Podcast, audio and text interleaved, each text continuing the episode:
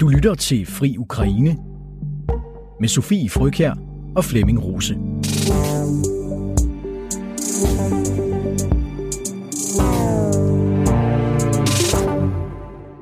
Flemming, for snart nogle uger siden, der talte du og jeg om, hvor længe mon USA ville holde fokus på krigen i Ukraine, og også hvor længe den ukrainske præsident kan blive ved med at regne med amerikanernes uforbeholdende støtte til hans modstandskamp mod Rusland. Det er, et, øh, det er et emne, som har optaget os meget her i podcasten, og som vi også har talt med flere af vores gæster om løbende. Vi har blandt andet talt om, hvordan det kommende præsidentvalg i USA kan blive udslagsgivende for landets engagement i krigen, og vi har også talt om, hvordan amerikanernes vilje til at støtte Ukraine ser ud til at være aftagende. I dag der tager vi øh, det her spørgsmål op igen, og det gør vi på en trist baggrund. Vi gør det i kølvandet på begivenhederne i Israel, hvor en terroraktion mod civile israelere begået af Hamas-militsen øh, har fået den israelske regering til at erklære Hamas krig igen. Fordi med krigen i Israel, ufreden i Mellemøsten, der rejser der sig jo flere store dilemmaer, som har betydning for krigen i Ukraine. Hvor skal amerikanerne nu lægge deres fokus? Skal de lægge det i Israel, eller skal de holde det på Ukraine? Kan USA og resten af Vesten, og det vil også sige Danmark, øh, klare to krige på én gang? Og hvad egentlig med den russiske præsident? Var Hamas angreb på Israel i virkeligheden den bedste fødselsdagsgave, han kunne have ønsket sig? Det her sidste spørgsmål er ikke min egen. Analysen har jeg stjålet et sted fra, men jeg kunne godt tænke mig at spørge dig, og hvis du kan svare så kort som muligt, fordi vi skal nok komme tilbage til det. Kan man sige, at Hamas angreb på Israel er en gave til Putin? Det afhænger af, hvordan man, øh, hvilken vinkel man lægger ned over det, men ja, i den forstand, det, det kommer til at tage opmærksomhed, og måske på lidt længere sigt også ressourcer fra vestens engagement, især USA's engagement i Ukraine. Øh, nej, i den forstand, at Rusland har selv problemer med øh, islamisk øh, terror, har haft det i mange år, og så vidt jeg kan se, så, har, så er Rusland bekymret for, at den her konflikt skal brede sig, og at det rent faktisk vil underminere eller svække Ruslands position i Mellemøsten i bredere forstand. Det var en lille teaser på, hvad vi kommer til at snakke om senere i dette afsnit af Fri Ukraine, men jeg synes, vi skal starte ved USA og lige starte med at sætte scenen rigtigt, så alle er med. Fordi hvad er det for et dilemma, som krigen i Israel skaber for USA, som også er engageret i krigen i Ukraine? Ja, og jeg tror faktisk ikke bare, det er krigen i Ukraine. Det er spørgsmålet om USA's øh, ressourcer og opmærksomhed i al almindelighed. Og det er meget muligt, øh, jeg vil sige, det kommer til at afhænge af, hvor lang tid Israels krig imod Gaza kommer til at vare, og om den kommer til at brede sig og kommer til at inddrage andre dele af øh, regionen. Fordi i så fald vil det trække større veksler på øh, USA's ressourcer. Jeg tror, øh, af flere grunde, øh, ikke mindst indrigspolitisk, så vil den nuværende præsident Joe Biden og hans administration være nødt til at prioritere Israel over alt andet.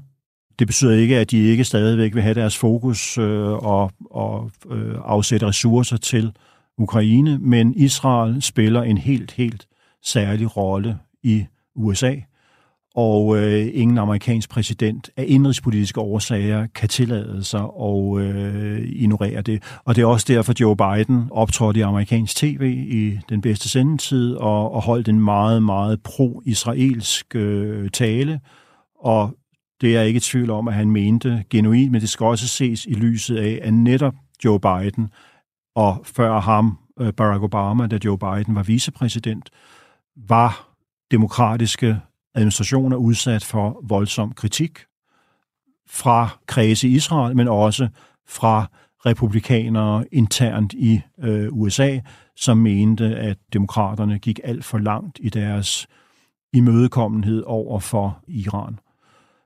Så derfor var Joe Biden også nødt til ligesom at optræde mere katolsk end paven i Rom i den her sammenhæng, hvis man skal bruge sådan et øh, billede for at få lukket den flanke.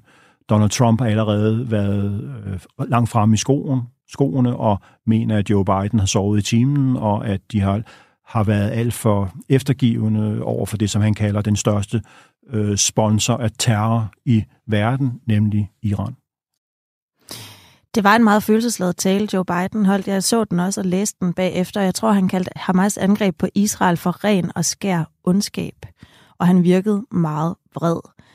Øhm, når vi taler om det her dilemma, så tænker jeg tit på, at det bliver jo fremstillet som et nulsumspil på en måde. At USA kan ikke både øh, hjælpe Ukraine i deres krig mod Rusland, og samtidig hjælpe Israel i deres krig øh, mod Gaza behøver det at være et nulsumspil på den måde. Altså USA er jo en stormagt. De har... Øh, en supermagt. En supermagt. Vi ved, at de har masser af militære ressourcer, og også en stærk økonomi. Kan de ikke bare, øh, du ved, sprede sig over flere øh, konflikter og hjælpe, Jo, det kan de godt, og det har de også gjort gennem historien, og man skal ikke... Øh, og det er også derfor, jeg sagde, at at jeg tror, at det kommer til at afhænge af, hvor lang tid krigen i Israel kommer til at vare. Og når jeg siger det, så er det fordi, hvis krigen kommer til at vare længe, så kan det være, at Israel får brug for nogle af de våben, som USA producerer, og som tidligere er blevet leveret til øh, Ukraine. Men det er, der ikke, det er der ikke noget, der står skrevet i sten, havde nær sagt, øh, på forhånd, at det bliver sådan, at USA kan normalt sagtens have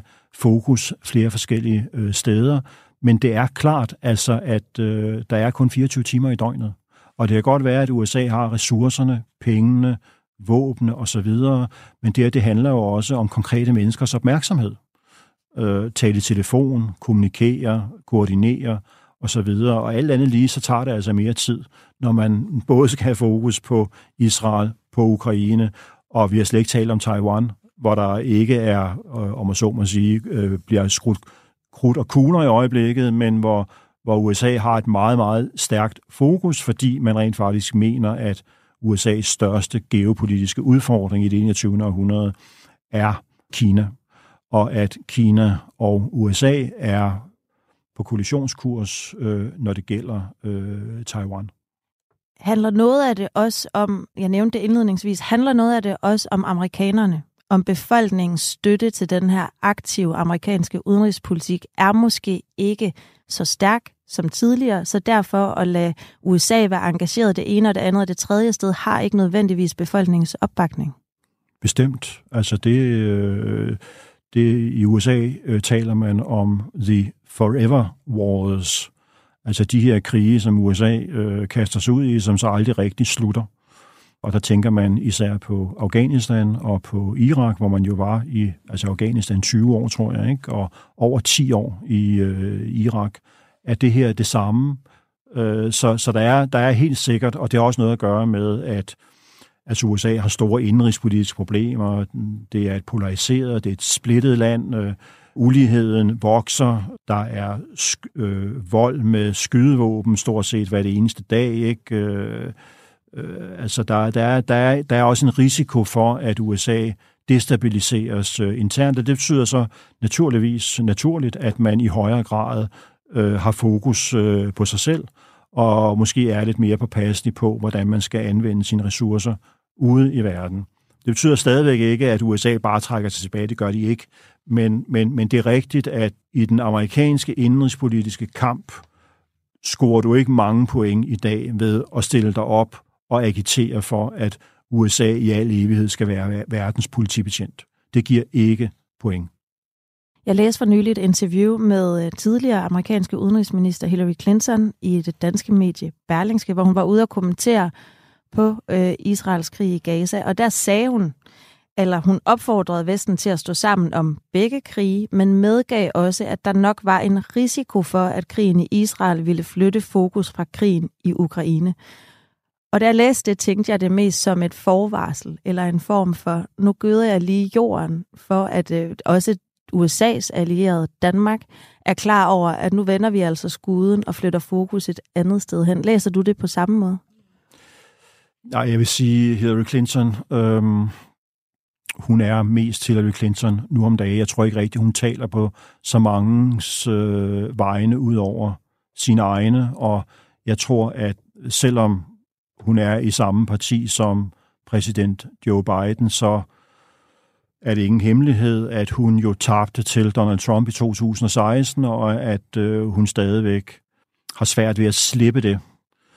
Øh, jeg hørte hende i sidste uge i et andet interview øh, tale Trump-kulten, som hun kalder den, ikke? og at øh, man måske på et tidspunkt skulle afprogrammere medlemmerne af den her kult. Ikke? Og dem, der sidder og hører det i det hvide hus i dag, de tager sig til hovedet, fordi det er nogenlunde samme formulering, som hun brugte under valgkampen i 2016, hvor hun kaldte de her vælgere the deplorables, altså skum, ikke? altså folk, der er primitive, tilbagestående, underudviklede, uddannede øh, osv., men, men, men konkret i det her tilfælde, øh, det er jo på en måde den måde, som USA har kommunikeret til Europa, altså i årtier, at I er nødt til at tage mere ansvar. I er nødt til at tage mere på jer. Vi kan ikke øh, bære det hele, så i den forstand er der ikke rigtig noget nyt i, øh, i det. Tak fordi du lyttede til dette uddrag af Fri Ukraine. Hvis du kunne lide det, du hørte, så kan du høre resten af episoden og mange flere i Frihedsbredets app, hvis du bliver medlem af Frihedsbredet. Som en lille bonus får du her en rabatkode, der giver dig den første måned til halv pris. Du skal bare bruge koden Ukraine, når du opretter dig på frihedsbrevet.dk.